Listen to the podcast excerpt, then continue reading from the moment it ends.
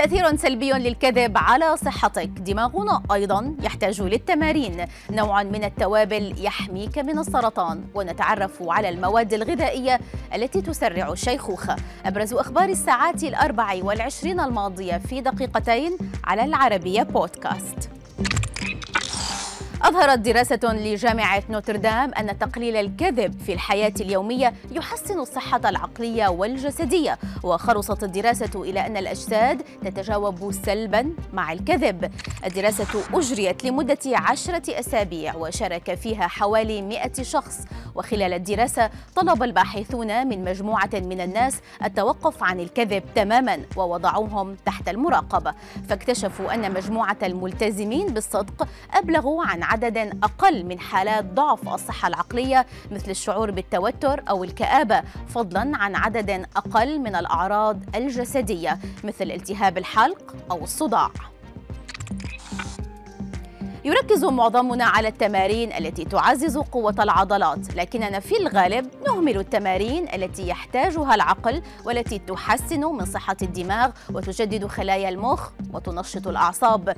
مجلة نيورو ساينس قدمت لنا بعض التمارين البسيطة التي تحسن من قدراتنا المعرفية والإدراكية، منها اتخاذ طريق مختلف إلى المنزل والتسوق من متجر بقالة مختلف والقيادة أو السير عمدا في حي غير مألوف. كما نصحت المجلة بالمشاركة الاجتماعية في لعبة الورق. هذا بالإضافة إلى القاعدة العامة التي تؤكد أن كل ما هو مفيد لصحة القلب مفيد لصحة الدماغ. فممارسة الرياضة بانتظام وتناول الطعام الصحي والحفاظ على وزن صحي كلها عوامل تعزز صحة الدماغ أيضاً. يعتبر الكركم من أكثر التوابل المفيدة لصحة الجسم وخاصة في الوقاية من الأورام الخبيثة. خبير التغذية ميخائيل جينسبرغ كشف أن الكركم يعيد حساسية الخلايا السرطانية إلى عوامل الاستماتة أي أن هذه الخلايا تدمر نفسها بنفسها. مؤكدا أن استهلاك الكركم بانتظام يخفض من خطر الإصابة بسرطان القولون والمستقيم وكذلك سرطان الثدي والبروستات.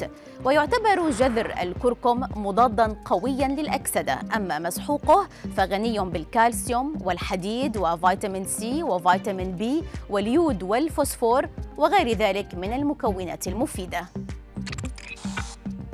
التقدم بالعمر أمر لا مفر منه لكن هناك بعض الطرق التي تساعدنا في تأخير ظهور ملامح الشيخوخة منها اتباع نظام غذائي سليم وتجنب بعض الأطعمة.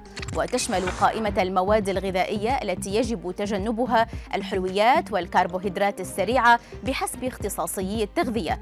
إذ تدخل هذه المواد إلى الدم بسرعة وتسبب طفرات في مستويات الإنسولين ما يؤثر سلبا على الجسم.